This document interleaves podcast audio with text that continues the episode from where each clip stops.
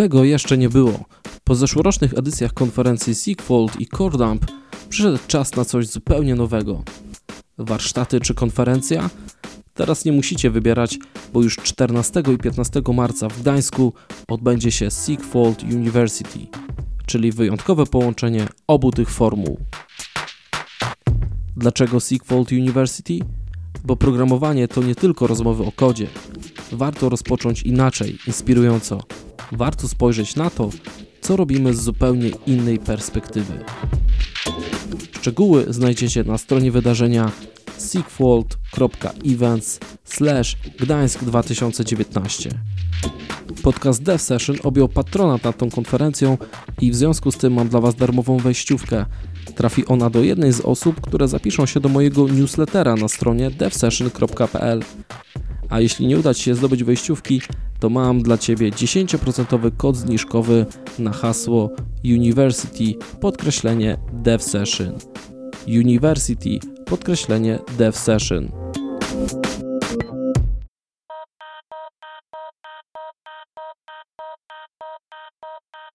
Cześć, za mikrofonu wita Was Grzegorz Kotwis w kolejnym odcinku podcastu Dev Session z serii Ja Programista. Dziś kolejny gość i kolejna dawka inspiracji, ale zanim przejdę do właściwej rozmowy, kilka spraw organizacyjnych.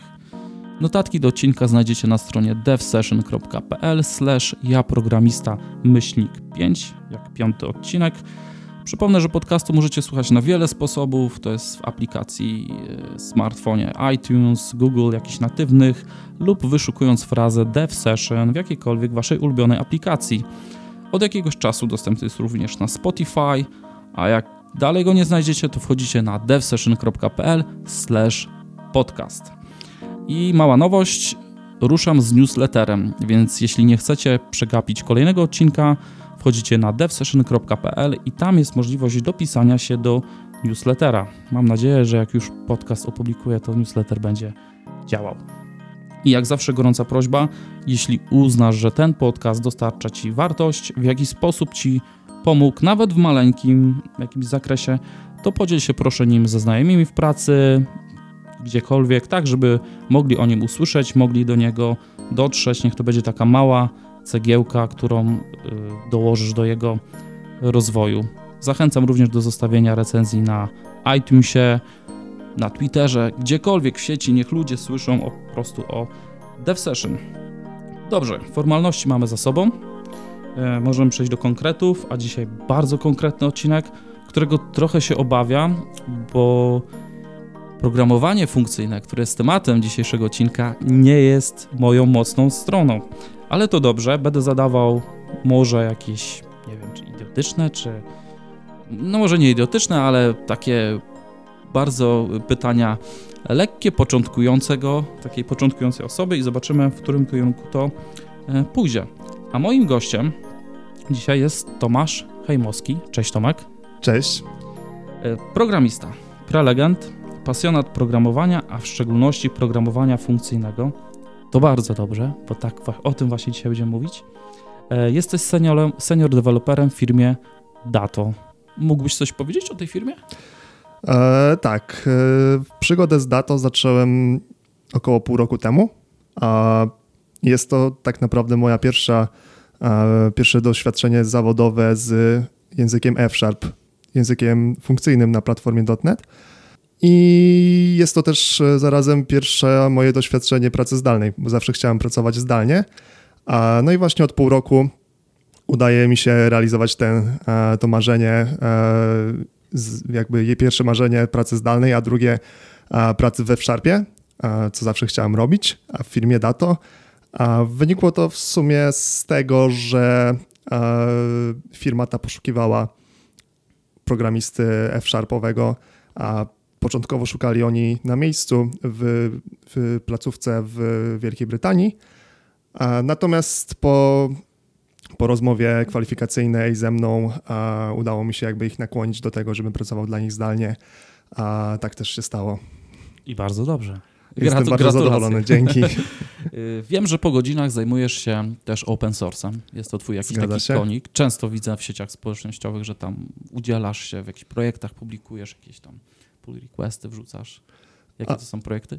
może nie aż tak bardzo często, natomiast staram się być aktywnym jakby regularnie. Mhm. E, swoją przygodę z open source tak naprawdę na serio zacząłem trochę równolegle do przygody ze F-Sharpem, bo gdy zacząłem się uczyć F-Sharpa stwierdziłem, że gdy już te liznąłem takie podstawy, muszę zobaczyć jak to się je w takim programowaniu na co dzień. Stwierdziłem, że dobrym pomysłem jest znaleźć projekt właśnie F-Sharpowy, e, open source, do którego mógłbym kontrybuować, tak żeby się e, razem z tym projektem nauczyć programowania w obcym języku dla mnie wtedy e, w prawdziwym projekcie. No i wtedy, to było jakieś 4 lata temu, akurat zaczynał się projekt na GitHubie, którzy pewnie ludzie z .NETA mogą znać o nazwie Packet. A jest to e, menadżer, menadżer pakietów do e, nuggetowych w .NETie. I właśnie wtedy on miał swój start jakieś około 4 lata temu na GitHubie. Był pisany od początku we F-Sharpie, więc stwierdziłem, że to jest super okazja dla mnie, żeby się raz nauczyć F-Sharpa właśnie w takim prawdziwym projekcie, a dwa a, kontrybuować do open source. E, No i miałem sporo kontrybucji do pakieta.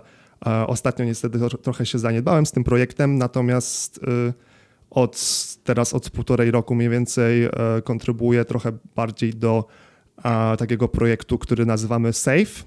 I SAFE to jest taki akronim e, czteroliterowy od czterech projektów tak naprawdę powiedzmy F-sharpowych, Mhm. które się składają na taki full stack development w F-sharpie jakby aplikacji webowych, tak? Czyli aplikacji internetowych e, napisanych od, e, od serwera do klienta we F-sharpie. Działać to dlatego, ponieważ mamy projekt Fable, czyli kompilator F-sharpa do JavaScriptu, e, czyli tak naprawdę możemy raz napisać kod we F-sharpie i możemy go skompilować do .NETA i do JavaScriptu. Dzięki temu właśnie jest taka fajna zajawka, że możemy jakby mieć taki, to się tak popularnie teraz nazywa, izomorficzne podejście do programowania e, aplikacji internetowych, czyli mamy jeden kod po stronie serwera i e, klienta. E, No i jestem tak zwanym main- maintainerem szablonu do Save, czyli Save Template, czyli to jest szablon .NET, .NETowy, Mhm. a w nowym .NET SDK jest koncept szablonów, który swoją drogą całkiem fajnie działa. No i właśnie e, od pe- pewnego czasu e, zarządzam tym projektem i w wolnym czasie staram się kontrybuować do niego.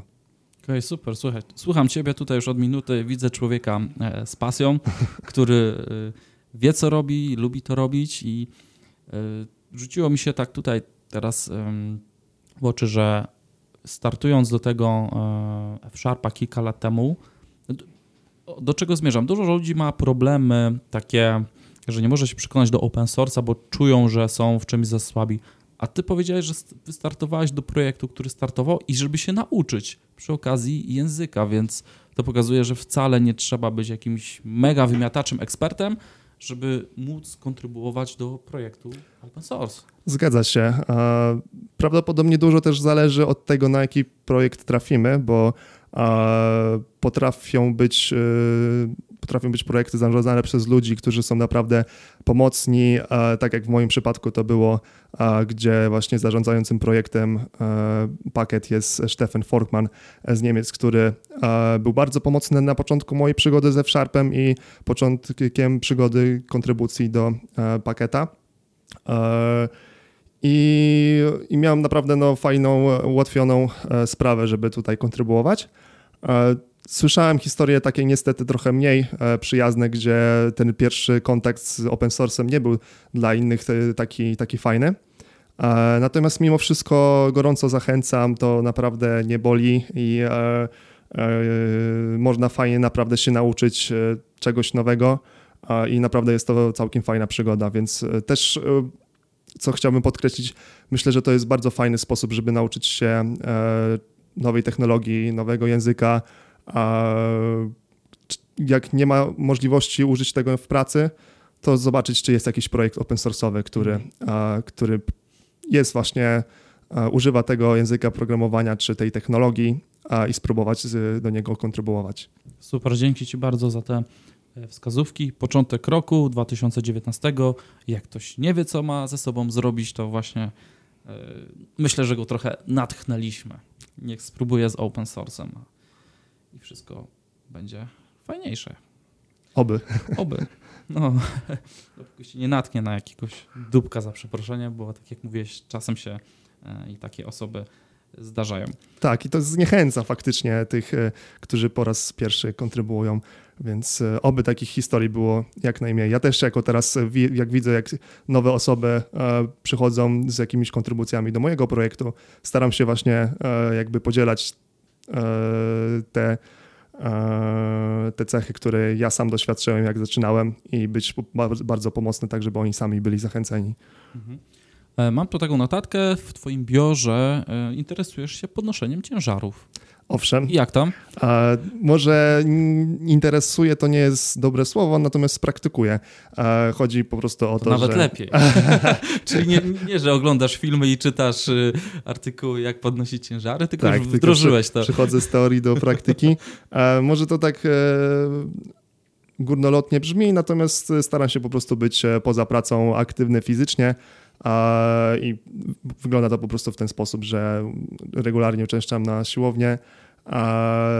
Podnoszenie ciężarów to nie jest to takie olimpijskie, jak niektórzy mogą kojarzyć, ale ja ćwiczę tak zwane, pod, pod kątem tak zwanego trójboju siłowego, czyli trzy takie najważniejsze ćwiczenia.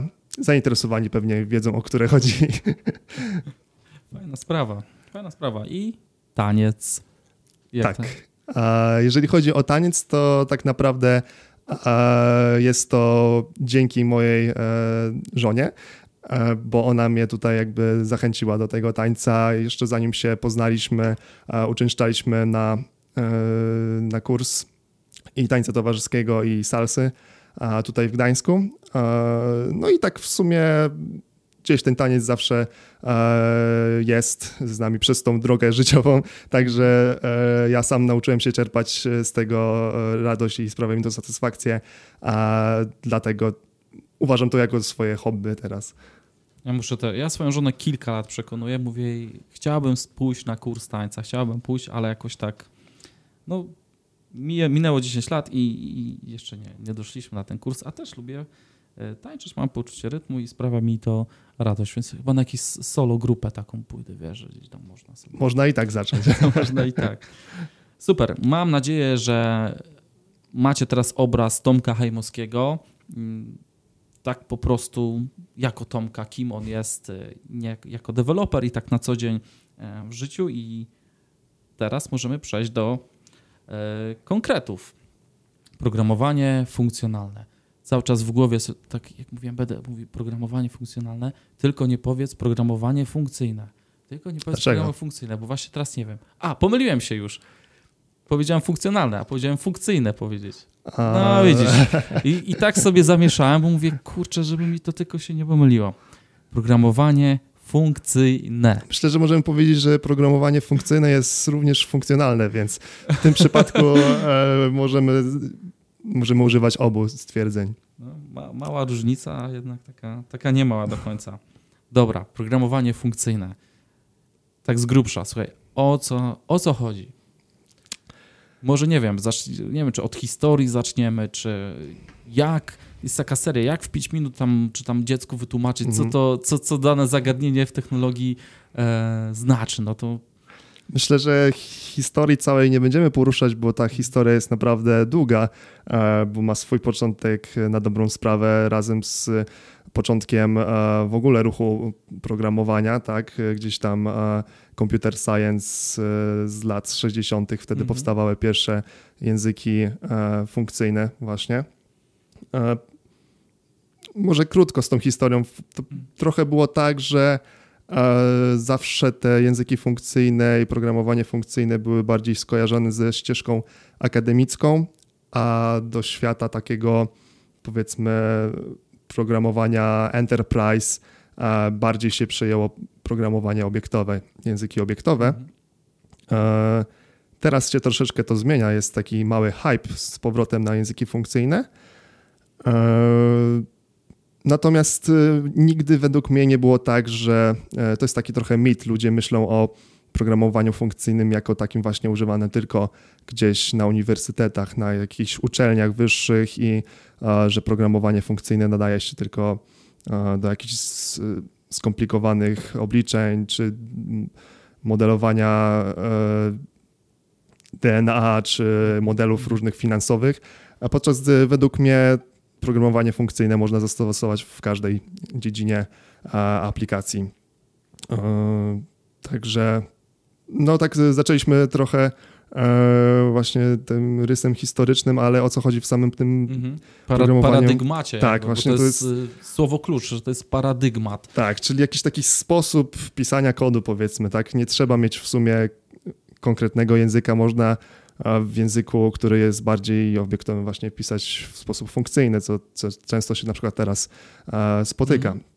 E, więc co tu powiedzieć o programowaniu funkcyjnym? No, jak w sumie sama nazwa wskazuje, e, trochę jest zainspirowany ten te- paradygmat e, zagadnieniami z matematyki, takimi właśnie jak funkcje, Mhm. gdzie te funkcje są, e, mówimy, pierwszorzędne w tym programowaniu, czyli e, tak jak w, obiektowa, w obiektowym programowaniu obiekt jest taki pierwszorzędny, wszędzie mamy do czynienia z obiektami. Tak, tutaj funkcja jest e, pierwszorzędna, możemy traktować funkcję jako taki byt, możemy e, przekazywać funkcję do, Mhm. do innej funkcji albo zwracać funkcję z jakiejś funkcji. W tym przypadku właśnie mówimy o funkcjach wyższego rzędu, tak to się nazywa. Są jeszcze jakieś inne charakterystyki programowania funkcyjnego, takie jak niemutowalność.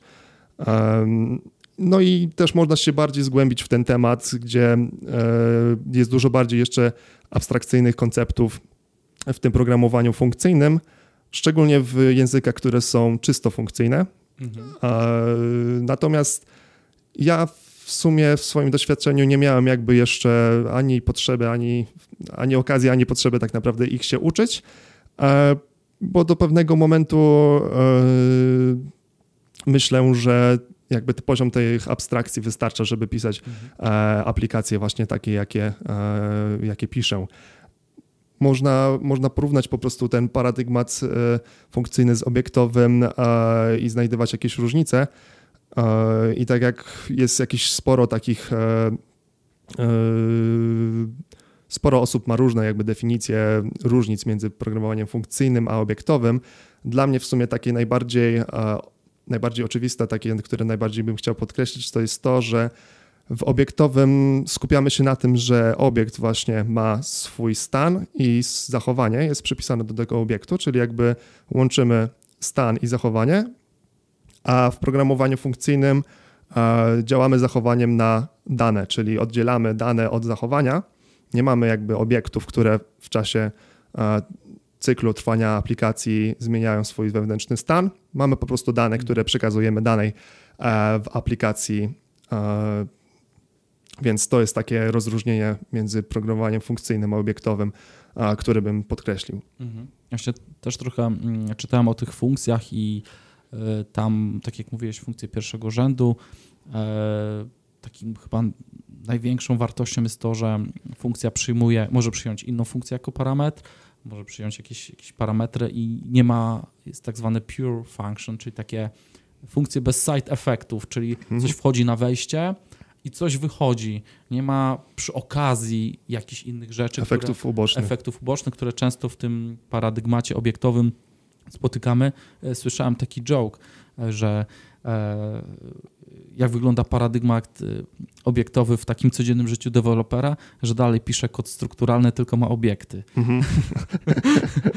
Że- że Często tak to niestety Coś pewnie- wygląda. Coś pewnie w tym jest. E, Tak, tak jak faktycznie wspomniałeś, dużo jakby zalet płynie z funkcji wyższego rzędu, czyli przekazywanie i zwracanie funkcji do innej funkcji e, oraz e, tak zwana czystość e, funkcji, czyli function parity, purity po angielsku. E, fa- Bardzo fajna cecha, która powoduje, że kod, który mamy, który jakby tą e, właściwość spełnia, jest bardzo prosty do testowania. E, po prostu zawsze dla danych, dla jakichś danych wejściowych będziemy mieli to samo, to samo wyjście, ten sam rezultat, co właśnie czyni to, że nasz kod jest łatwiejszy do przetestowania. No i łatwiejszy do prześledzenia tak naprawdę, co, co się w nim dzieje, więc teraz też w ruchu w sumie trochę domain driven design też się mówi o tym, że ten kod logiki biznesowej powinien być bez żadnych skutków ubocznych, taki oddzielony od kodu mhm. infrastrukturalnego, co bardzo fajnie się wpasowuje w podejście paradygmatu funkcyjnego. Okej, okay, super, bo właśnie też trochę interesuję się teraz DDD.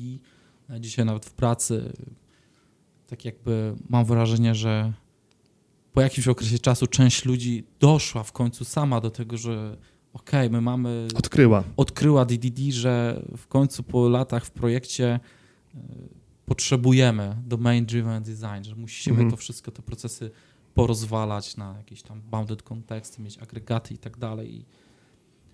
Fajnie, jak tak ludzie odkrywają, ja się bardzo cieszę, jak tak można też im trochę tak zastrzepić tej wiedzy i ona tak w nich kiełkuje, rośnie, -hmm. rośnie i nagle wiesz, pff, eureka, nie? -hmm. Bo czasem na, na siłę wciskamy sobie, bierzemy jakieś książki i będziemy teraz, wiesz, w projekcie robić jakąś tam rewolucję, a nie ewolucję, a jak tak ludzie sami do tego dojdą, to jednak jest jakieś takie... Tak, to jest trochę takie e, odkrywanie versus wymyślanie. E, tak mi się właśnie podobało, kiedyś ktoś tak właśnie stwierdził, też porównując trochę programowanie obiektowe do funkcyjnego, gdzie no to było właśnie porównanie na korzyść funkcyjnego, że odkrywamy to, co jakby e, właściwości matematyczne nam dają, a nie próbujemy wymyślić e, nowe wzorce e, projektowe, które po, pozwolą nam faktycznie otrzymywać systemy skomplikowane bardziej w paradygmacie obiektowym. Mhm. Tomek, słuchaj, mm, mam taką zagwostkę. Mamy ten paradygmat funkcyjny, istnieje od wielu lat. To były te y, lambda calculus, pamiętam tam kiedyś wymyślone, potem e, zebrało się chyba dwóch gości, e, Haskell i jakiś tam jeszcze, coś tam dopracowali, powstały pierwsze języki. Haskell jest chyba takim czysto funkcyjnym językiem, bo są też te takie hybrydowe, właśnie jak F-Sharp, nie? które trochę tam miksują. Mhm. No to mamy ten paradygmat funkcyjny, języki funkcyjne, E, trochę mówimy teraz o ich e, zaletach, a mimo wszystko nie zdobyły jakoś uznania na takim powiedzmy rynku komercyjnym czy wśród deweloperów. Czy jesteś w stanie tak wskazać, co mogło być przyczyną takiego, takiego mhm. dlaczego tak się wydarzyło? Jeszcze tylko jedno małe sprostowanie, bo tutaj mówiłeś, wspominałeś o Haskellu, mhm. więc Haskell to jest faktycznie nazwa języka programowania, o którym mówimy, że jest czysto funkcyjny. Natomiast e, Haskell to nie był e, gość e, jakby stricte związany z programowaniem, to był matematyk z lat wcześniejszych, jeszcze zanim w ogóle tutaj jakby koncept programowania powstał. Po prostu nazwa program języka programowania Haskell została zainspirowana okay. nazwiskiem pewnego matematyka. Wracając do pytania, czemu te języki funkcyjne właśnie zawsze były traktowane jako takie akademickie, nie wiem, ciężko mi stwierdzić, czemu tak się stało. Może dlatego, że próg wejścia do paradygmatu obiektowego był trochę niższy, mhm. co myślę, że, że to jest e, jedna z nielicznych wad języka e, paradygmatu funkcyjnego, że próg wejścia może być troszeczkę wyższy, te troszeczkę więcej jest jakby abstrakcji, mhm. natomiast to jest do pewnego poziomu. Jak to przejdziemy, to E, według mnie potem jest prościej.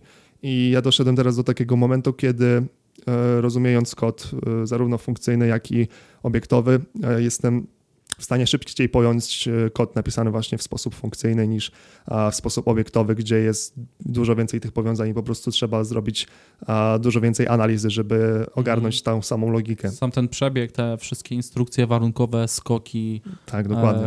ten, ten flow, który gdzieś tam się zawiera w tym, w tym obiektowym, tego chyba nie ma z tego, co każe funkcyjnym. Tak, tak mi się wydaje, że no, no jest, są funkcje mówiąc o takim powiedzmy kodzie, jaki powinien być. Bo wiadomo, pewnie mm. i funkcyjny można coś skopać i zacząć pisać, e, e, jakby, no nie wiem, wyjść trochę poza ten paradygmat na tyle, na ile nam pozwoli kompilator, nie? Czy, czy... Tak, jasne, więc e, no tak, to jakby nie jest silver bullet, wiadomo, też można zrobić głupie błędy, natomiast w ogólności faktycznie przepływ jakby logiki tego programu jest prostszy do zrozumienia. Mhm. Okej, okay, słuchaj, mm, wspomnieliśmy już trochę o, też o innych językach, e, takich bardziej, e, które są na fali.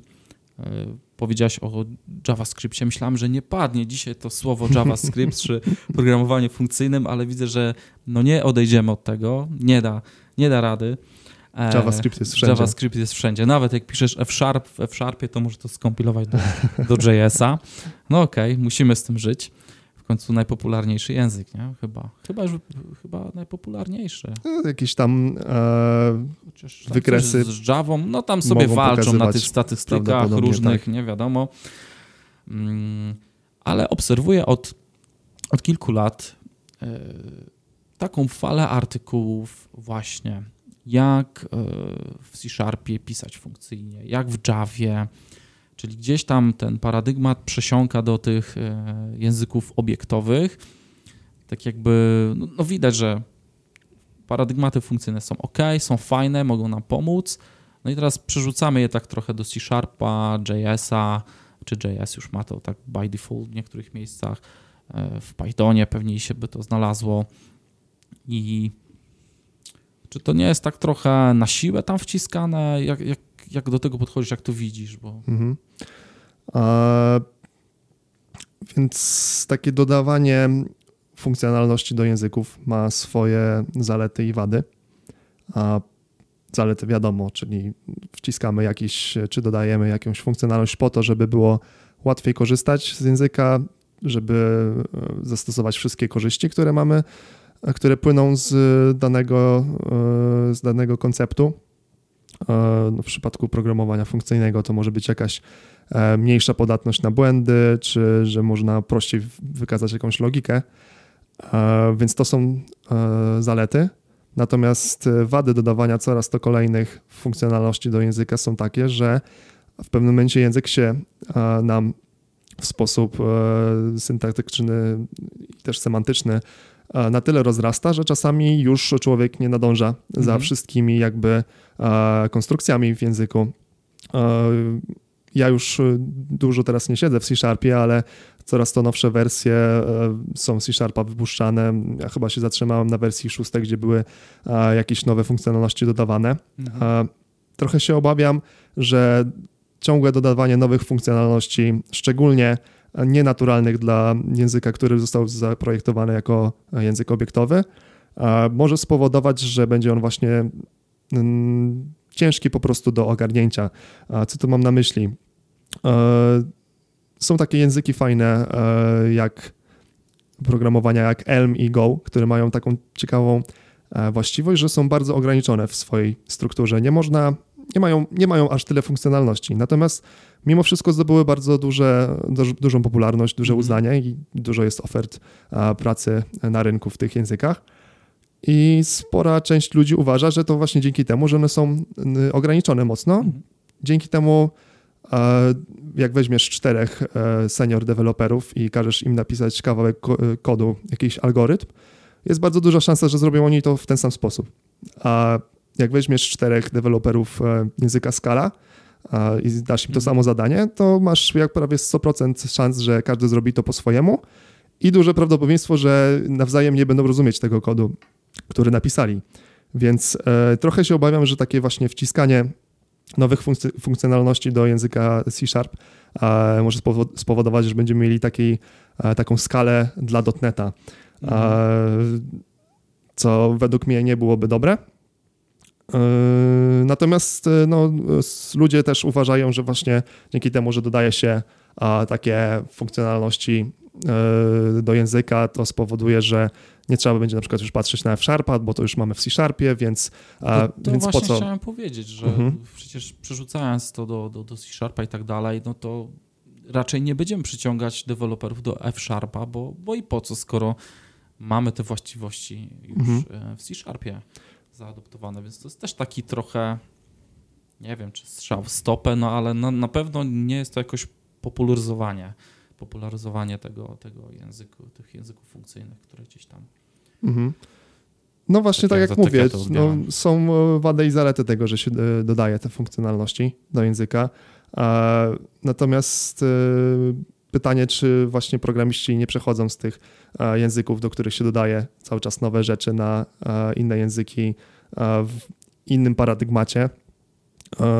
No jak widać na przykład po moim przypadku niektórzy przechodzą e, Mhm. na, na inne języki. Myślę, że trochę też widać w innych poza dotnetem jakby środowiskach tą migrację widać, że jest większa. Na przykład w JVM myślę, że sporo osób powoli przechodzi z Java, czy to na Scala, czy Kotlin, czy Clojure. W dotnecie tego aż tak bardzo nie widać. Myślę, że też dlatego, że ogólnie e, C Sharp jako język jest lepszy niż Java i e, Ho, ho, dodatkowo... Czekaj, czekaj, bo to... Okej, bo podcast jest skierowany do wszystkich deweloperów. E, To jest opinia Tomka, żeby tutaj nie było, nie? Myślę, że Java jest bardzo dobrym językiem, natomiast jakby e, C Sharp przez to, że e, ta podstawowa e, baza funkcjonalności, która była w języku, już w tych wcześniejszych wersjach pozwalała pisać kod w bardziej efektywny sposób niż, niż w Javie. I tutaj myślę, że też Javowcy się ze mną zgodzą, że z chęcią przechodzą na inne języki, mm, mimo że tam ta nowa wersja Java, która Mhm. została wypuszczona, tam jakieś tam też te funkcjonalności zawiera w sobie. Natomiast e, nie, nie o to mi tutaj chodzi, jakby, żeby oczerniać Java, bo to nie zupełnie jest, e, zupełnie nie jest jakby mój punkt. Chodzi mi bardziej o to, że właśnie e, w dotnecie mamy ten język C Sharp, z którego wszyscy są bardzo zadowoleni, a, a poza tym e, F Sharp mocno się różni od C Sharpa jakby składniowo, gdzie na przykład w świecie JVM Java versus Scala jest tak, że Scala jest e, syntaktycznie e, kompatybilna wstecz z Javą, czyli możemy po prostu skopiować kod z Java do Scali i to będzie się kompilować dalej. E, Więc myślę, że jakby te, to są przyczyny tego, że nie widać takiej migracji do F-Sharpa w świecie dotnetowym, jak mamy to w świecie JVM, nie? Mhm.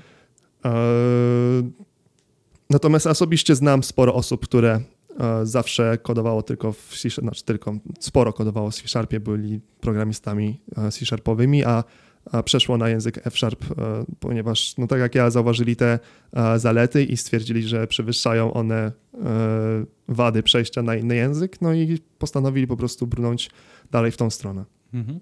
E, Słuchaj, skoro jesteśmy przy takim miksowaniu e, trochę języków i tej kompatybilności, e, zastanawiam się, czy jest możliwość e, takiego szczątkowego wykorzystania F-Sharpa w projektach C-Sharpowych, w sensie, Mhm.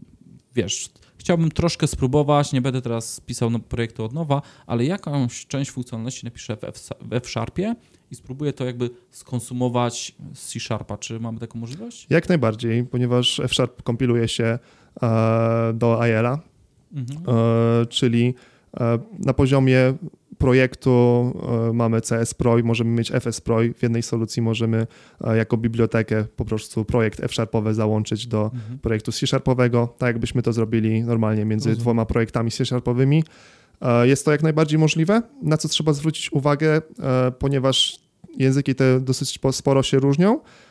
Czasami może być potrzebna taka mała warstwa interopu, czyli e, kod, który jest idiomatyczny dla F-Sharpa, nie będzie e, tak samo idiomatyczny dla e, wywołania z poziomu C-Sharpa, więc często właśnie się pisze takie cieniutkie warstwy nad tą biblioteką, załóżmy Mhm. w F-Sharpie, po to, żeby ona była bardziej C-Sharp friendly. I to jest często spotykane podejście, które się stosuje.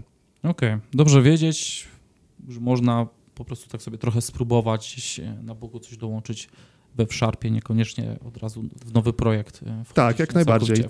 Też e, ciekawym e, podejściem może być rozpoczęcie w taki mniej krytyczny sposób, właśnie, żeby od razu nie, nie wychodzić z kodem F-Sharpowym na produkcję, z czymś, co nie jesteśmy pewni, czy działa. Na przykład napisać testy sobie w F-Sharpie, czy to jednostkowe, czy jakieś integracyjne.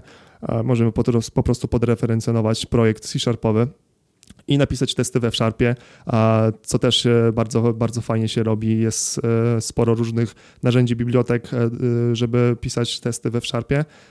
No i nawet jeżeli coś tutaj nam się nie, nie uda, gdzieś tam się noga powinie, mhm. nie jest to na tyle jakby krytyczny obszar systemu, że zaraz stracimy pracę. Mhm. Więc e, jest to dosyć bezpieczne podejście, też można spróbować w ten Jakby sposób. programiści tracili pracę za niepisanie testów, słuchaj, wiesz co by się działo na rynku pracy.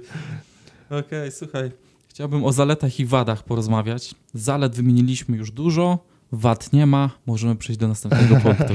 Nie, no na pewno, na pewno są jakieś wady, no choćby ten... E, matematyczny styl może być to wadą? Chociaż nie, no zależy jak to do tego chyba podchodzi. Jest, jest po prostu inaczej. Mhm. To jest e, tak, że też w sumie spotykałem się z taką opinią, że łatwiej jest nauczyć e, paradygmatu funkcyjnego kogoś, kto wcześniej nie miał w ogóle styczności z programowaniem, niż e, programistę, który jest od zawsze programował obiektowo. Po mhm. prostu jakby tutaj sposób myślenia zawsze jest taki ukierunkowany e, na to, że ok, w programowaniu obiektowym zawsze robię to tak, tak, tak, więc teraz funkcyjny musi być jakiś sposób, żeby to odzwierciedlić. E, nie o to chodzi. To trochę też jak taka analogia do języków obcych, tak? No nie ma czasami przetłumaczenia e, danej frazy na mm -hmm. język obcy, bo po prostu tam jakby kultura sprawiła, że nie używa się takich sformułowań, tylko w inny sposób się tak, wyraża coś, tak? Idiomy na przykład. Tak, nie? dokładnie. Więc jakby po prostu zmierzam do tego, że jest e, inaczej. E, może faktycznie ten próg wejścia jest troszeczkę minimalnie większy przez to, że e, jest to wszystko takie bardziej abstrakcyjne, powiedzmy. Natomiast, no, broń Boże, nie można się tego obawiać. Jak ktoś bardzo chce i chce brnąć dalej w te jakby zagadnienia y, programowania funkcyjnego na wyższym poziomie, to, to można. Natomiast według mnie nie trzeba, żeby już zacząć programować funkcyjnie. Ja uważam siebie za programistę funkcyjnego, a kompletnie nie mam pojęcia o tych e, super, e, hiper wypasionych e, konceptach funkcyjnych, którzy, które używają tylko Haskellowcy i które nie są znane dla nikogo innego. Więc więc y, tak jak mówię, no jest inaczej, ale nie jest aż tak super y, y, ciężko, żeby zacząć. Co jeszcze z WAC? Może trochę to, że sam, sam paradygmat nie jest naturalny pod względem tego, jak są zbudowane komputery, jak mamy procesory, gdzie te instrukcje są jednak faktycznie w taki sposób pisane E, imperatywny. Mhm.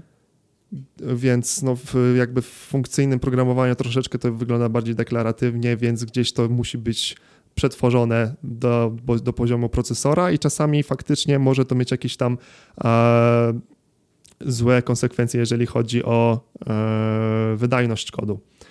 Więc e, czasami może być konieczna optymalizacja takiego kodu, e, ponieważ nie jest on super właśnie wydajny. Mhm. Rozumiem. Wiesz co, bo tak wiem, że czasem ciężko powiedzieć tak z takiego punktu teoretycznego o, o jakichś wadach. Y, cztery lata programujesz funkcyjnie. Takie powiedz, z jakimi problemami na przykład spotykałeś się do tej pory w swoich projektach? Może o, to będzie bardziej takie, też takie wartościowe dla mhm. osób słuchających. E, myślę, że chyba największą bolączką, jaką e, w sumie do tej pory trochę e, mogę powiedzieć, że mam, jest to, że przez to, że języki e, obiektowe są dużo bardziej popularne, e, no szczególnie właśnie też w ekosystemie dotnetowym. Wszystkie narzędzia, jakby, które zostały stworzone, zostały stworzone z myślą właśnie o tych językach, więc narzędzia właśnie może w tym świecie funkcyjnym nie są aż tak bardzo rozwinięte. I to może być jakiś tam problem. Można, e, jak się szuka rozwiązań problemu, e, będzie mniej wyników w Google po prostu niż dla mm -hmm. odpowiednika języka z programowania mm -hmm. obiektowego. To był taki problem e, dla mnie. No i co tu jeszcze powiedzieć? E, na początku po prostu był problem taki, że ja myślałem też tylko obiektowo wcześniej i ciężko było mi e, to nowe podejście po prostu jakby zrozumieć. Musiałem trochę się zresetować, oduczyć się tego, czego się nauczyłem wcześniej, tak żeby móc jakby przyswoić nowy sposób w ogóle pisania kodu. Mhm. Fajnie tak naturalnie przeszliśmy właśnie do, mam nadzieję, mam wrażenie trochę twoich początków, e, właśnie i, tych problemów, jak startowałeś. Mhm. Porozmawiamy o trochę właśnie o progu, e, progu wejścia.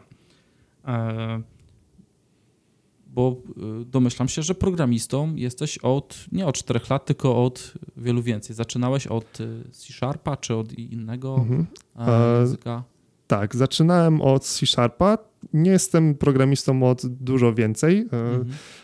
Tak naprawdę można powiedzieć, że jestem relatywnie młodym programistą, bo mam gdzieś 6 lat doświadczenia zawodowego. Mhm. Jakąś taką przygodę właśnie, znaczy to doświadczenie zawodowe zdobywałem już po drugim roku studiów, wtedy miałem pierwsze praktyki. To był, e, to był .NET, gdzieś tam pojawiła się akademicka grupa .NET e, na, na drugim roku wygrałem konkurs e, staż w firmie Kainos tutaj w Gdańsku i pracowałem przez pół roku na stażu właśnie tam. Pobyłem tam e, jakieś pół roku, dlatego że byłem w dziale RD, a ja jako taki młody, zapalony programista chciałem już coś konkretniejszego, już działać w produkcji mm -hmm. i tak dalej, więc e, e, dlatego też, że byłem e, taki właśnie zapalony, to szukałem czegoś, nowej przygody i wtedy zmieniłem pracę, e, ale jakby od początku byłem e, zafascynowany C-Sharpem i próbowałem się uczyć, nauczyć wszystkich możliwości w C-Sharpie. Sporo też oglądałem kursów na, pewnie znasz, portalu Pluralsight. Tak. I w pewnym momencie trafiłem właśnie na kurs o F-Sharpie i stwierdziłem, że tak e, dla odmiany obejrzę sobie z ciekawości, co to w ogóle jest. No i historia była taka, że po obejrzeniu tego kursu tak mi się to spodobało, że specjalnie wziąłem sobie dzień wolny e, następnego dnia z pracy, żeby posiedzieć w domu i popróbować tego F-Sharpa. No i tak to się wszystko potoczyło, można powiedzieć. E, potoczyło się tak, że już jak troszeczkę się podstaw nauczyłem, to chciałem właśnie spróbować czegoś czegoś bardziej e, konkretnego, no i to był ten projekt open source'owy pakiet na GitHubie. E, potem coraz więcej tego open source'u było, aż w końcu e, udało mi się znaleźć pracę zdalną we Sharpie i jestem teraz w tym miejscu, w którym jestem. Super, ale w międzyczasie jak rozwijałeś się w tego F-Sharpa, języki funkcyjne, to pracowałeś jako dotentowiec, tak? Tak, tak. Okej. Okay. I tam przemycałeś w pracy jakieś małe tam? E, tak, e, można, można tak powiedzieć. Myślę, że sporo moich kolegów z pracy e, się w tym momencie uśmiecha, jeżeli tego słuchają, bo e, często właśnie e, trochę niestety właśnie słyszałem takie opinie, że Tomek tego F-Sharpa gdzieś tam próbuje zawsze przemycić. E, w drugiej pracy, jakiej byłem, to była dosyć spora, spora firma, gdzie takie e, dosyć radykalne zmiany nie były aż tak miele widziane.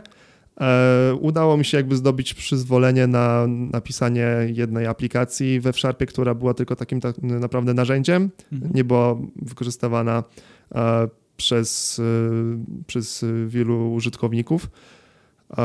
No i tam były też testy napisane we Sharpie, czy, czy jakieś skrypty, które też w sumie nie były najprostsze gdzieś tam zawsze przemycałem tego F-Sharpa, natomiast no, jakby nie udało mi się e, zawrócić całego statku, całej firmy, żeby nagle przejść na F-Sharpa, z czym mhm. się jakby byłem w stanie pogodzić, e, więc zacząłem jakby szukać czegoś, czegoś nowego. Okej. Okay. A powiedz mi, skąd się wziąłeś w programowaniu? Od, od zawsze chciałeś być programistą, czy to jest jakiś taki przypadek?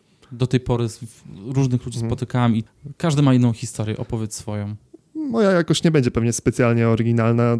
Zawsze byłem takim umysłem ścisłym, powiedzmy, i w liceum w sumie już byłem na, w klasie o profilu MatInf, gdzie tak naprawdę no ten, ta część inf e, było trochę programowania w Pascalu, ale dużo z tego nie wyniosłem, bo większość czasu e, koledzy grali w Counter-Strike'a e, oraz StarCrafta, więc e, tak to właśnie wyglądało niestety.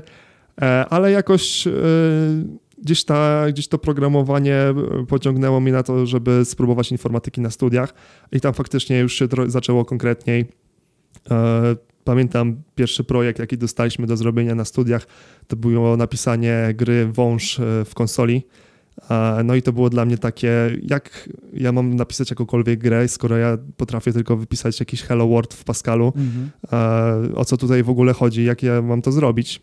E, No i dopiero w momencie, kiedy po chyba tam projekt trwał półtora miesiąca, udało mi się oddać ten projekt z bardzo dobrą oceną, stwierdziłem, że w sumie jak w takim krótkim czasie potrafiłem się nauczyć napisać program, który już coś faktycznego robi, to kurczę, w dłuższym jakby czasie jestem w stanie nauczyć się naprawdę czegoś fajnego, więc e, no, jakby nakręciło mnie to programowanie. Tak jak mówię, potem e, jeszcze dodatkowo na tą grupę .NET chodziłem, e, gdzie też się pojawił trochę wątek programowania na platformę Windows Phone, co też mnie trochę wkręciło e, swego czasu. Nawet w konkursie wygrałem dwa telefony od Microsoftu e, dzięki tak. aplikacjom na Windows Phone. Nawet udało mi się zarobić trochę dolarów za e, aplikację z, e, z Marketplace'a. Szkoda, że powoli umiera e, ta platforma, bo naprawdę było ciekawie.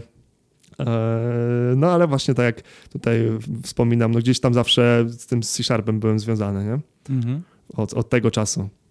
Fajnie. Dziękuję Ci bardzo za, za podzielenie się tą historią. Mam nadzieję, że zainspiruje młodych ludzi, bo mam nadzieję, że i do takich dotrze e, ten podcast, którzy stoją gdzieś tam na, Rozstaju na dróg. staju dróg i zastanawiają się, e, Co dalej? co dalej. A wiem, że to tak trochę przeraża właśnie czasem programowanie. Jak jeszcze teraz usłyszą o językach funkcyjnych i że gdzieś za tym stoi matematyka, to no tak, po prostu trzeba przez to przejść na studiach i potem już będzie z, z górki, jak wejdzie Dokładnie. programowanie. Wszystkie analizy, algebry i równania, różniczka, to jest tam, aby przejść. Jak ja mówię, trzeba złapać bakcyla. E, Jak, to też trzeba po prostu zobaczyć, czy się, czy się to lubi.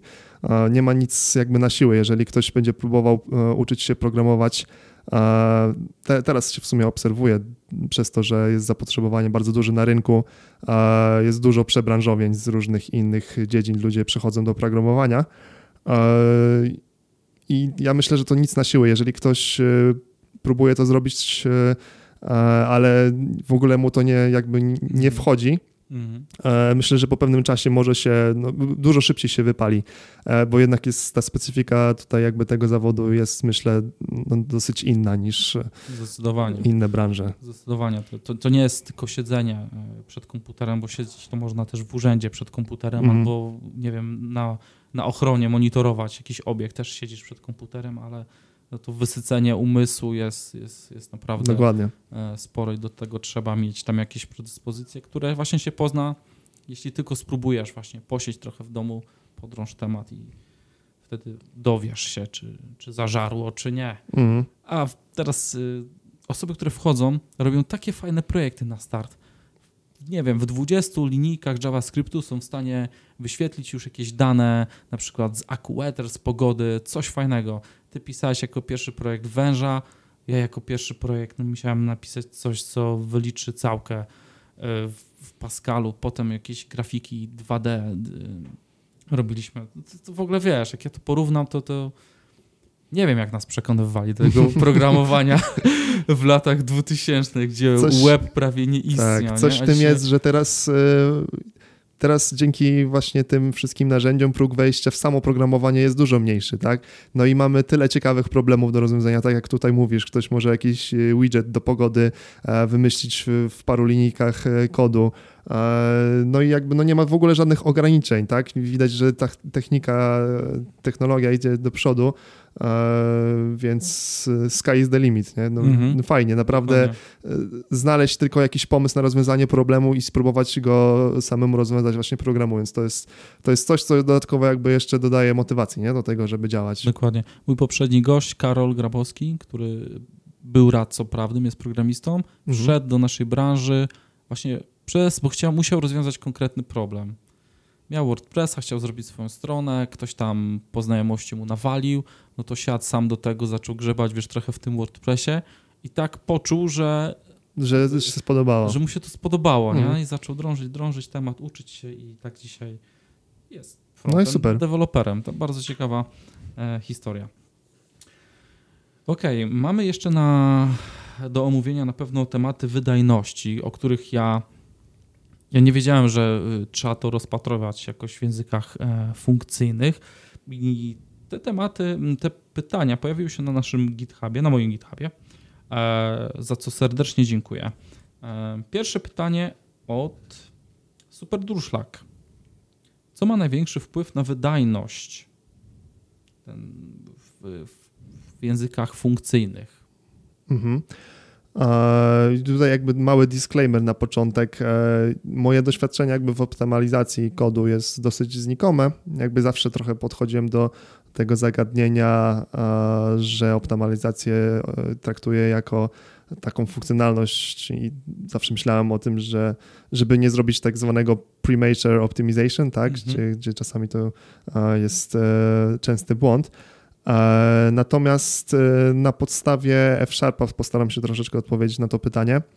E, Rzeczywiście jakby tutaj wydajność, czy to pod względem pamięci, czy, czy szybkości działania, może być inna niż w paradygmacie, czy to strukturalnym, czy to obiektowym. Między innymi dlatego, że przez koncept niemutowalności, ponieważ obiekt nie może się zmienić, jeżeli chcemy mieć dużo obiektów, e, albo inaczej, dużo zmian na obiekcie, to znaczy e, jakby nowy obiekt, tak? Więc e, gdzieś to ta pamięć może być bardziej konsumowana. I dzięki temu, że F-Sharp nie jest językiem ściśle funkcyjnym, ma jakby, jakby to powiedzieć, e, możliwości też obiektowe. Możemy faktycznie, jeżeli się e, napotkamy taki problem, i gdzie musimy coś zoptymalizować, e, bo kod, który jest napisany w sposób taki funkcyjny, nie działa, e, czy to zbyt szybko, czy zabiera za dużo zasobów, e, możemy wziąć ten kawałek i przerobić go e, na sposób imperatywny, na sposób bardziej obiektowy, jeżeli to faktycznie pomoże i dzięki temu zwiększyć właśnie tą wydajność w tych miejscach krytycznych, które są dla nas naprawdę e, potrzebne. Dzięki temu, że no jakby jest e, F-Sharp e, na platformie .NET, możemy korzystać z tych samych e, struktur, e, czy co, co mamy w tak naprawdę C-Sharpie, e, więc podobnie, prawdopodobnie jakbyśmy robili taką optymalizację w C-Sharpie, możemy też wykonać tutaj e, w F-Sharpie. E, jeżeli chodzi natomiast o języki czysto funkcyjne, bo to tak mówiłem w, kontekście F-Sharpa bardziej, e, istnieją trochę inne techniki optymalizacji, na które się niestety nie wypowiem zbytnio, bo no, nie miałem jakby doświadczenia Mhm. a z nimi, natomiast e, widziałem, że, e, że ludzie jakby na różnych tam jakichś, e, czy to wątkach e, blogowych, czy gdzieś na Stack Overflow e, opisywali, że są sposoby właśnie na to, żeby optymalizować nawet kod Haskellowy w ten taki sposób, żeby był na tyle wydajny, co e, na najniższym poziomie byśmy pisali w języku C Mhm. na przykład. E, Poza tym jest w sumie w tych językach e, ściśle funkcyjnych taka ciekawa właściwość, szczególnie właśnie w Haskellu, e, co nazywamy lazy evaluation, czyli że kod jest wykonywany leniwie, e, co powoduje, że mimo e, że wydaje się nam, że program będzie zżerał bardzo dużo zasobów, e, w rzeczywistości tak się nie dzieje, bo nie wszystko jest jakby ewaluowane, tylko to, co jest faktycznie e, w runtime potrzebne. To taka w sumie taka ciekawostka jakby tutaj mm, około tego zagadnienia. Mhm.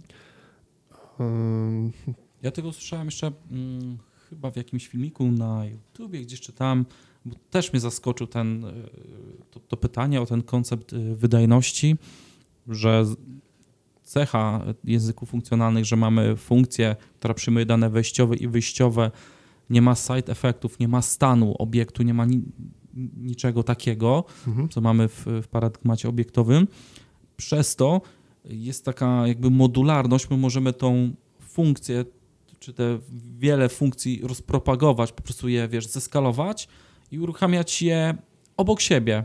I one nie będą miały wpływu na siebie, przez to no, tak jakby by default zyskujemy tą, tą, tą wydajność bardziej, to myślę jakąś y, skalowalność. To nie? bardziej w stronę skalowalności wtedy, nie? No, Myślę, że chyba tutaj jakoś- te pytanie o wydajność chyba było bardziej skierowane jakby patrząc na pojedynczy proces, e, a faktycznie, no jeżeli chodzi o skalowalność, no to ta właściwość, że e, jest e, funkcja, jest e, tak zwana pure, e, no to faktycznie może oznaczać, że Uruchamiana obok siebie po prostu. tak, Ile tylko. co ma jakby tutaj w, no, w dzisiejszych jakby czasach faktycznie jak skalujemy, to nie skalujemy, jak to się mówi, e, wzwyż, tylko wszerz, tak? E, Więc e, e, jest to e, też właśnie w myśl e, tego skal- skalowania.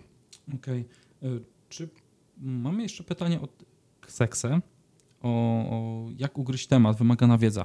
Z Twojej historii już wiemy, jak Ty ugryzłeś temat. E, Taki trochę przeskok teraz wykonałem, ale Mhm. to nic. Mm, Wymagana wiedza. Czy jest jakaś wymagana wiedza? No nawet powiedziałeś, że nawet lepiej, jak nie ma na przykład wiedzy, z, nie ma takich naleciałości z innych paradygmatów, bo będzie nam łatwiej się przestawić. Jakbyś tu tutaj e, podszedł, od czego zacząć? Mhm. Myślę, że nie ma tutaj tak, że trzeba mieć wcześniej e, doświadczenie w programowaniu w innym paradygmacie, że to jest tak, że najpierw musisz się nauczyć programowania strukturalnego, potem obiektowego, potem funkcyjnego.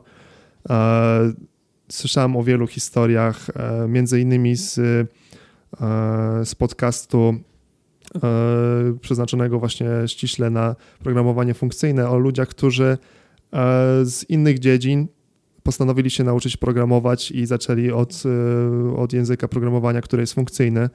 E, I dla nich e, ta nauka właśnie tych konceptów była taka naturalna. Jakby to, co się nauczyli w szkole, po co sobie troszeczkę przypomnieli i takie się wydawało to wszystko w miarę oczywiste dla nich, więc jakby to świadczy o tym, że absolutnie nie ma czegoś takiego, że trzeba mieć wcześniejsze doświadczenie z programowaniem, żeby zacząć z paradygmatem funkcyjnym.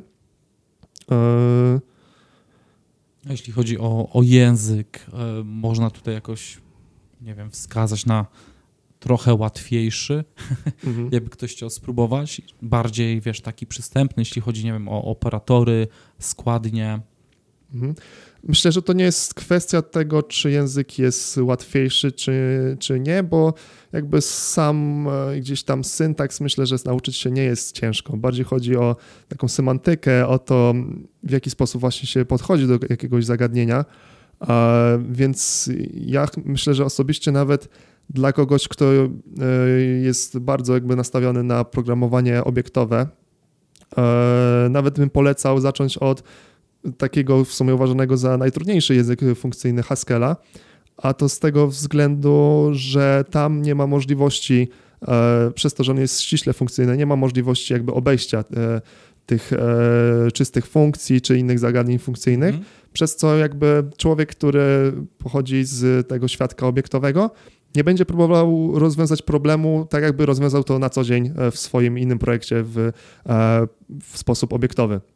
E, Dzięki temu łatwiej będzie według mnie się mu nauczyć właśnie tych e, konceptów funkcyjnych i jak już to wtedy e, pozna, przejść na przykład na inny język, czy to, czy to F-Sharp i tam będzie już dla niego to, te koncepty funkcyjne będą bardziej naturalne.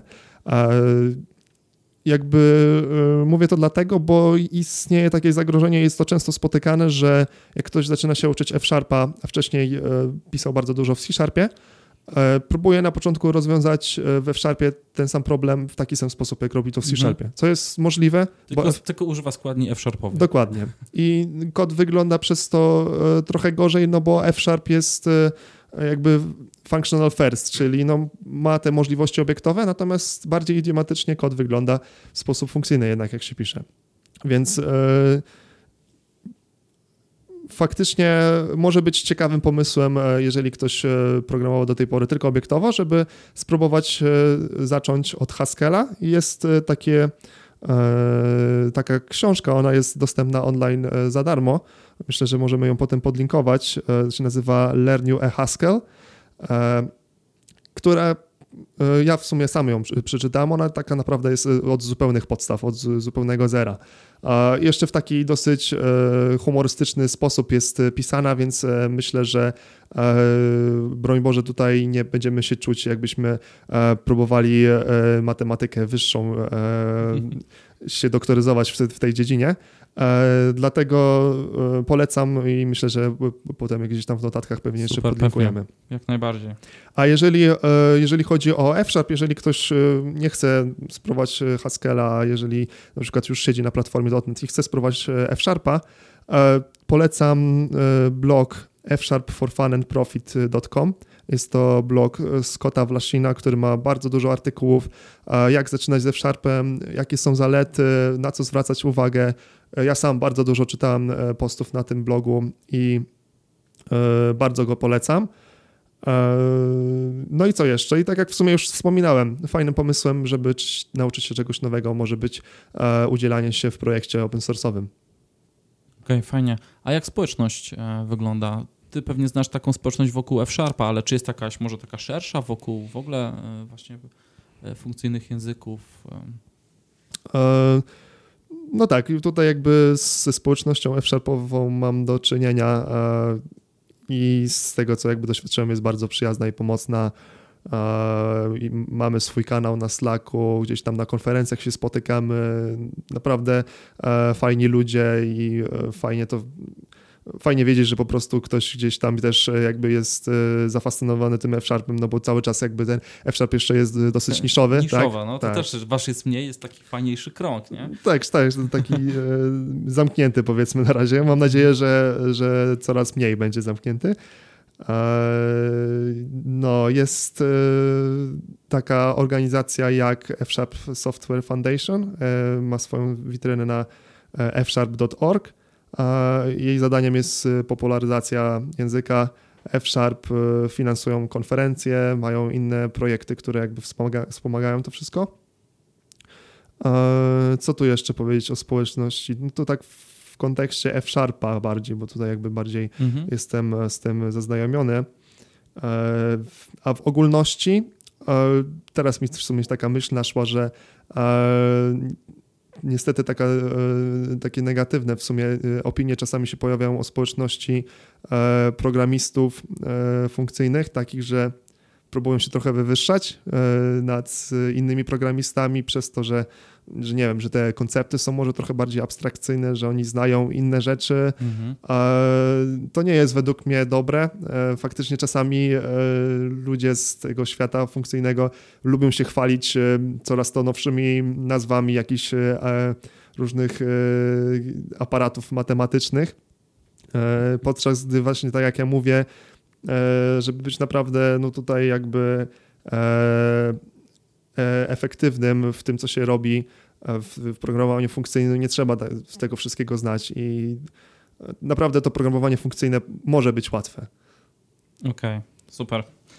Ja- myślę, że spróbuję sobie w tym roku coś napisać. Niech każdy jakieś takie małe postanowienie, mały, ma, mały snippecik e, funkcyjnego, żeby zobaczyć e, z czym to się, bo to no fajnie tak sobie odświeżyć, coś zmienić i e, w swoim codziennej takiej rutynie Jak e, najbardziej. pro- programowania. Tym bardziej, jeżeli ktoś e, może powoli zaczyna czuć jakieś e, wypalenie zawodowe, z, e, a nie miał, miał do tej pory tylko do czynienia z językami obiektowymi, tym bardziej zachęcam. Też wielu, wiele takich opinii słyszałem, że y, czy to programowanie funkcyjne, czy, czy i sam język F-Sharp, jakby tchnął takiego nowego ducha w programistów, także na nowo e, mają motywację do, e, do swojej branży, że naprawdę odkryli to programowanie na nowo, można wręcz powiedzieć. Tak, sp- sporo jest też programistów, którzy y, programują w jakimś języku w pracy, bo po prostu muszą, bo taki jest wymóg Mhm. projektowy, bo mają taką pracę i muszą jakąś mieć, a po godzinach po prostu realizują się właśnie e, w innych projektach, w innym języku. Na przykład przede wszystkim traktują to jako, jako hobby i myślę, że to jest fajna alternatywa właśnie, żeby tak e, sobie spróbować. A kto wie, może z tego będzie w przyszłości jakaś praca tak jak u Ciebie. Jak wygląda rynek pracy, powiedz? Czy w Polsce znasz jakieś projekty takie F-sharpowe? Mhm. Jeżeli chodzi o F-Sharpa, bardzo jeszcze niszowo to wygląda. Słyszałem o tym, że e, w Polsce e, trochę Credit Suisse e, robił coś we F-Sharpie, nie wiem czy dalej to istnieje. Myślę, że bardzo, bardzo mało będzie takich przy, przypadków, kiedy faktycznie znajdziemy w Polsce e, jakąś pracę stricte w języku komercyjne, można powiedzieć. Tak, e, bardziej to będzie pewnie jako mile widziany dodatek. E, za granicą troszeczkę inaczej to wygląda. Myślę, że największy rynek jak na razie jest e, w Anglii, szczególnie w Londynie, e, no i w, w Stanach Zjednoczonych.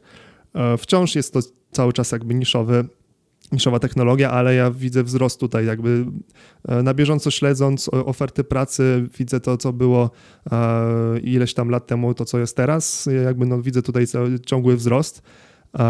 No i też jak ja sam szukałem jakiejś oferty pracy zdalnej, to też miałem kilka opcji, więc można po prostu znaleźć nawet zdalnie pracę w F-Sharpie, jeżeli ktoś bardzo się postara, e, co widać po moim przypadku.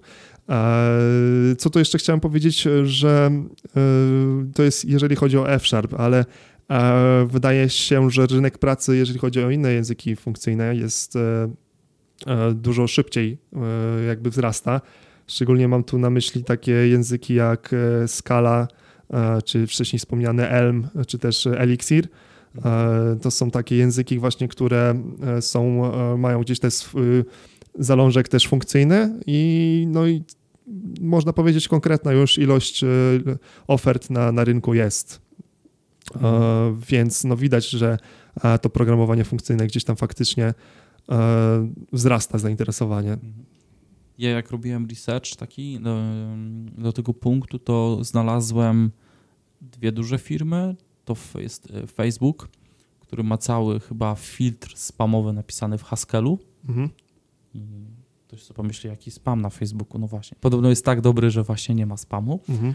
I chyba Twitter też coś ma napisane w, języka, w języku funkcyjnym, jakąś część serwisu. Twitter, e, z tego co wiem, korzysta z skali. Sporą część serwisów mhm. przepisali właśnie z Java na skalę. E, tak, to właśnie coś, tak mi, tak mi świta w głowie, więc tak, ci duży gracze do pewnych zastosowań e, używają tych języków funkcyjnych i chyba jeszcze mm, gdzieś widziałem, że w dawnych, dawnych czasach, czyli lata 70., 80., e, firmy telekomunikacyjne do, do centralek, tak, do, do protokołów właśnie tam mhm. używał szczególnie właśnie języków. Język Erlang jest w sumie e, gdzieś tam zapoczątkowany przez Ericssona właśnie mm, był jednym z takich e, pierwszych, najbardziej popularnych języków w, tym, e, w tej dziedzinie. Myślę, że jeszcze w sumie warto, żebym wspomniał o, firmie jet.com, związanej z F-Sharpem bardzo. Jest to, można powiedzieć, spora firma, która jakby cały swój backend ma napisany od zera w F-Sharpie. E, może ktoś słyszał e, o tej e, firmie jet.com. Oni w sumie operują na rynku amerykańskim, z tego co wiem, póki co, więc może nie są jeszcze tacy popularni w Europie. Natomiast jest to przykład jakby no takiego success story gdzieś, gdzie firma od zera używała F-Sharpa i dotarła naprawdę wysoko. Mhm. Um, tak już sobie luźno rozmawiamy na, na koniec, a chyba nie poruszyliśmy tej kwestii, e, jakiego rodzaju kod, bo no, jest ten poziom na frontend i backend. Wspomniałeś na początku, że można we Sharpie napisać coś, co wypluje JavaScript mhm. e, przy użyciu jakiś tam e, Fable. Fable, tak? E, biblioteki czy, czy czegokolwiek. E, z Twojego doświadczenia bardziej funkcyjny do backendu. Ten frontend to jest taka, powiedzmy, przymiarka do czegoś, po prostu, żeby ktoś się nie musiał, e, wiesz, parać JavaScriptem, czy... Fable to jest bardzo ciekawy projekt. A jak tutaj wspomnieliśmy, to jest kompilator F-Sharpa do JavaScriptu. I myślę, że on, y, że jakby zainteresowanie tym projektem rośnie jeszcze szybciej niż samym F-Sharpem po stronie backendu. E, nawet ostatnio na konferencji FableConf e, była taka, był taki wątek, e, w którym momencie Fable zacznie jakby żyć swoim życiem i będzie jeszcze bardziej popularny niż sam F-Sharp na dotnecie i no tak spekulowaliśmy na ten temat, że to może być za już całkiem niedługo. I czemu się tak dzieje? Myślę, że to jest fajna alternatywa dla, dla innych dla innych języków transpilowanych do JavaScriptu, a jest ich trochę teraz. No jak wiadomo, ten ekosystem JavaScriptowy jest potężny, więc widać to zapotrzebowanie na aplikacje internetowe po prostu wszędzie. A F-Sharp tutaj jest o tyle ciekawy, że